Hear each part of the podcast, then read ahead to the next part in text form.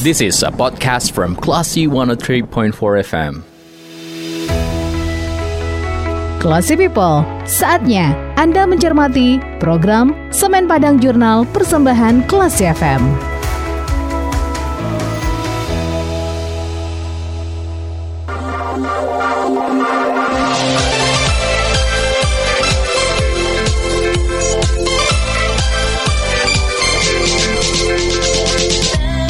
103,4 Classy FM, The Actual Radio. Selamat pagi Classy People, Anda kembali mencermati rangkuman informasi menarik seputar perusahaan kebanggaan Sumatera Barat yaitu PT Semen Padang dalam program Semen Padang Jurnal untuk edisi Sabtu 28 Mei 2022 bersama saya Bimo Alvaro. Nah untuk Anda Classy People yang pengen tahu apa aja sih informasi menarik dan juga berita-berita terupdate seputar PT Semen Padang, maka silahkan cermati di satu interval ke depan sampai nanti di jam 10 pagi. Sebelum kita masuk ke informasi pertama, nah kita dengerin dulu nih satu kiprah uh, sebagai kiprah yang akan menemani Anda berkegiatan di pagi ini. Jadi keep in tune all in 103.4 Classy FM, The Actual Radio.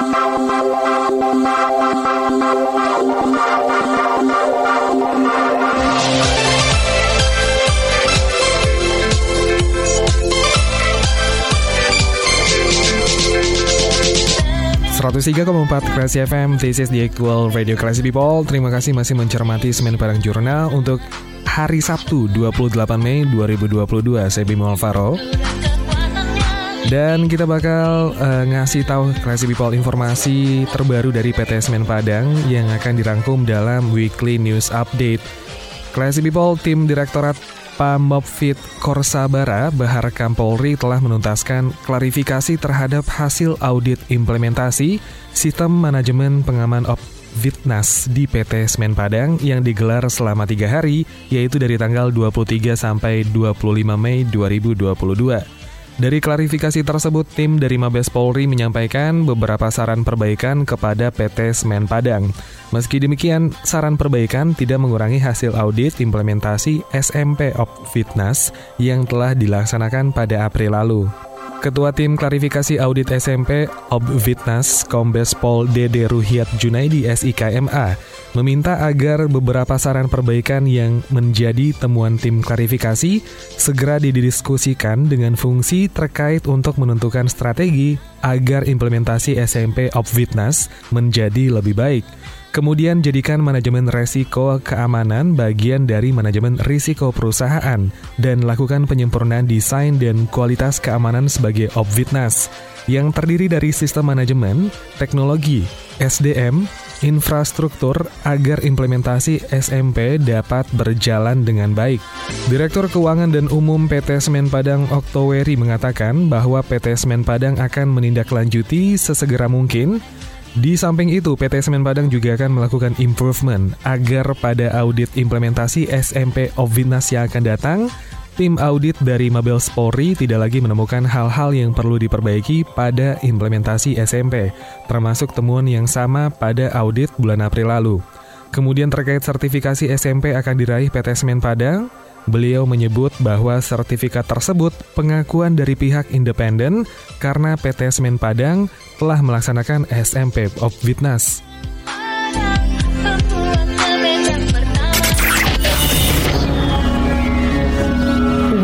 News Update.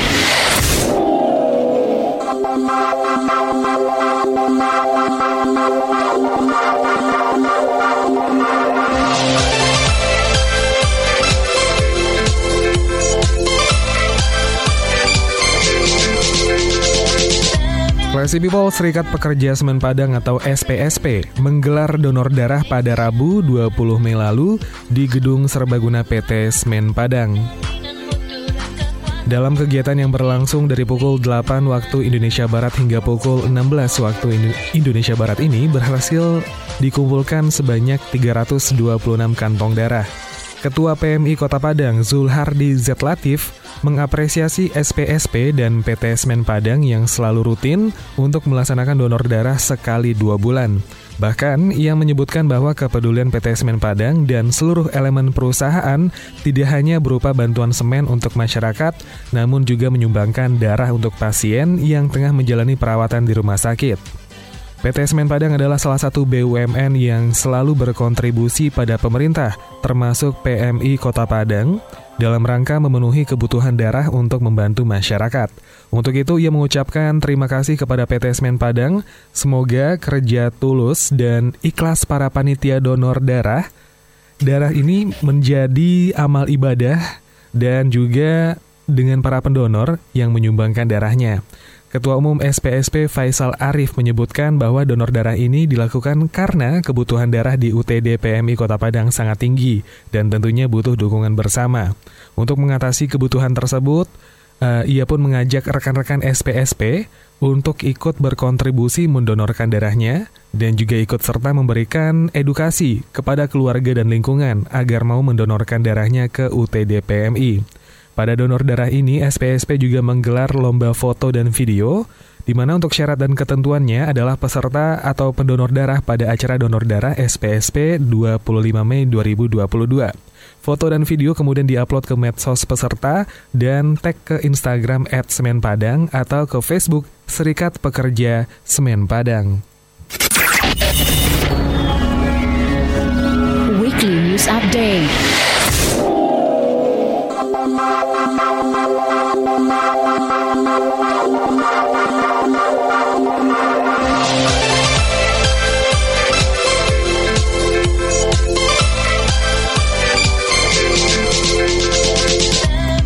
Classy People dalam rangka memperingati Hari Kearsipan ke-51, PT Semen Padang menggelar Learn and Share tentang pengelolaan arsip secara virtual pada Selasa 24 Mei lalu. Kegiatan dibuka Direktur Keuangan dan Umum PT Semen Padang Oktoweri, diikuti oleh ratusan karyawan Semen Padang Group dan SIG Group dengan narasumber Kepala Arsip Nasional Republik Indonesia atau ANRI, Dr. DRS Imam Gunarto M. Hum, dan Ketua Tim Arsip PT Semen Padang Nelvi Irawati. Oktoweri mengatakan dalam penyelenggaraan kearsipan, PT Semen Padang sudah mendapat pengakuan secara formal dari ANRI dengan predikat akreditasi A pada tahun 2015 dengan total nilai 81,68 dan naik menjadi 88,81 pada tahun 2021. Sementara itu Imam Gurnarto memaparkan bahwa mengelola arsip harus punya spirit dan juga fundamen moral.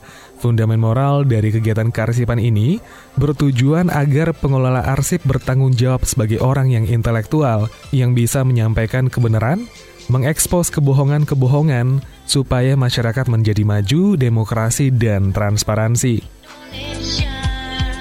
Untuk itu ia berharap agar fundamen moral ini masuk ke jiwa dan sanubarinya aparat kearsipan, arsiparis, dan pengelola arsip. Karena mengelola arsip bukan untuk kearsipan itu sendiri, tapi sebagai bagian dari tanggung jawab kepada bangsa.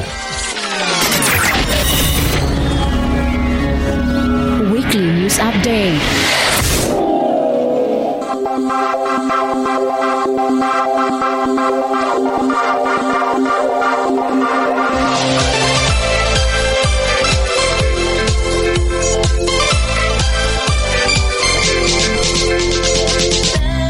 Classy People realisasi ekspor semen PT Semen Padang pada periode April 2022 mencapai 42 42,833 metrik ton atau MT di mana jumlah tersebut meningkat dibandingkan dengan April tahun 2021 yaitu sebanyak 38.472 MT.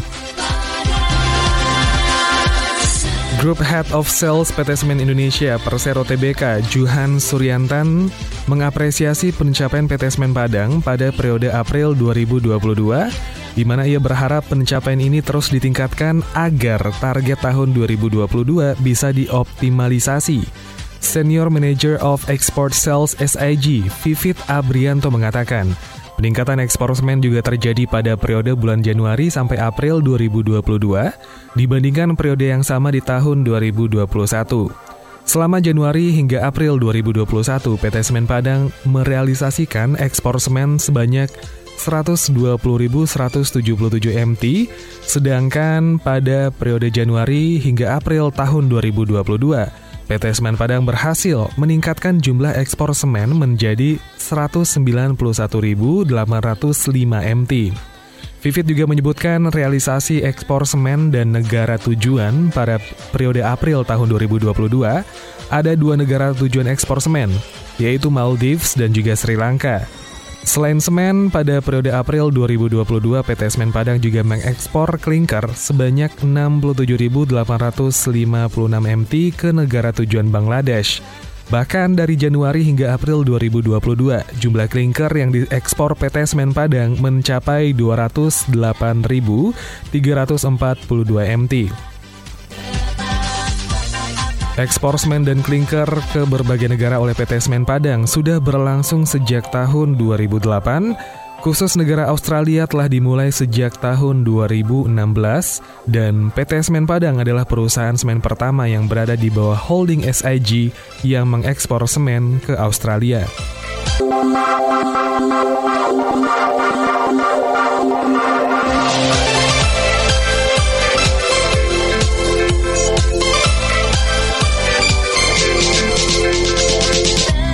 103,4 Classy FM This is the actual video. Classy People Masih bersama saya Bimo Alvaro dalam program Semen Padang Jurnal Edisi Sabtu 28 Mei 2022 Nah untuk kali ini Classy People ada informasi terkait dengan info produk ya di mana salah satu produk unggulan semen Padang adalah Portland Composite Cement atau PCC dan semen PCC ini memiliki banyak keunggulan nih yaitu mem mempunyai kuat tekan yang setara dengan semen TP1 PCC dapat juga digunakan untuk konstruksi umum pada berbagai mutu beton seperti perumahan, bangunan bertingkat, jembatan, jalan raya, landasan pacu, pesawat udara, bendungan, bangunan irigasi, pembuatan komponen barang, bahan bangunan, plesteran, acian, dan lain-lain.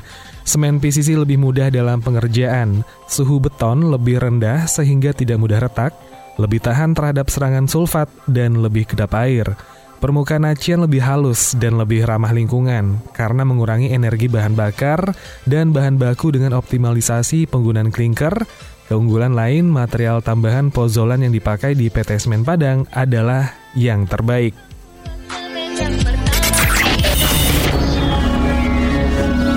Tips dan info produk.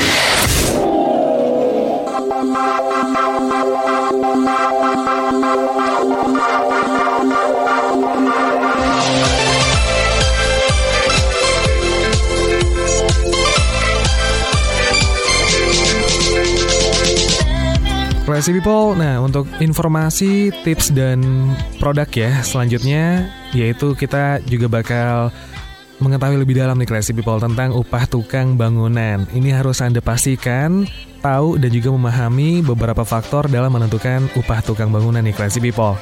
Saat membangun atau merenovasi rumah, kita tentu butuh jasa tukang ya. Dan sering kita merasa bingung nih dalam menentukan upah tukang bangunan. Itu kira-kira harganya atau mungkin jasanya berapa rupiah. Sebenarnya apa ya yang mempengaruhi tinggi rendahnya upah bangunan? Nah, class people, ternyata ada beberapa faktor yang perlu kita perhatikan dalam menentukan upah tukang bangunan. Pertama nih, jenis tukang. Perlu diketahui bahwa tukang bangunan itu terbagi ke dalam beberapa jenis. Ada tukang sipil, tukang spesialis, dan juga kenek. Upah ketiganya pun berbeda, di mana upah kenek lebih murah dibandingkan tukang. Begitu juga upah tukang spesialis biasanya lebih mahal daripada tukang sipil biasa. Selanjutnya classy people tingkat keahlian itu juga bisa menjadi faktor di mana kita perlu membayar pekerja lebih mahal jika mereka memiliki pengalaman yang lebih baik. Karena keahliannya akan sebanding dengan hasil pekerjaannya. Selain itu, classy people tukang yang berpengalaman juga akan menghemat waktu dalam pengerjaan pembangunan atau merenovasi rumah. Selanjutnya, tingkat kesulitan dalam pengerjaan pun juga bisa menjadi faktor nih classy people. Tingkat kesulitan pekerjaan mempengaruhi upah tukang bangunan. Pekerjaan yang sulit dan butuh ketelitian tinggi tentu akan dihargai lebih mahal ketimbang pekerjaan yang sifatnya lebih mudah. Durasi pekerjaan juga kayak gitu nih classy people menjadi faktor, di mana upah tukang yang lembur tentu akan berbeda dengan yang tidak lembur. Dan yang terakhir, lokasi pembangunan. Misalnya, walaupun sama-sama pekerjaan interior, tapi kesulitan bekerja di gedung tinggi dengan rumah rendah itu kontras banget bedanya. Kebayang dong ya gimana keselamatan juga menjadi semacam uh, hal yang dipertaruhkan kalau si tukang tadi kerja di dalam di ketinggian yang tinggi. Pada umumnya, tukang yang bekerja di gedung tinggi akan mendapat bayaran lebih mahal. Itu dia Classy People. Semoga dengan informasi terkait dengan cara menentukan upah tukang bangunan ini bisa menjadi semacam pegangan untuk Anda untuk uh, ke depannya yang pengen punya niat renovasi atau menggunakan jasa tukang bangunan. Jangan ke mana-mana Classy People, masih bareng Bimo Alvaro dan kita masih di program Semen Padang Jurnal.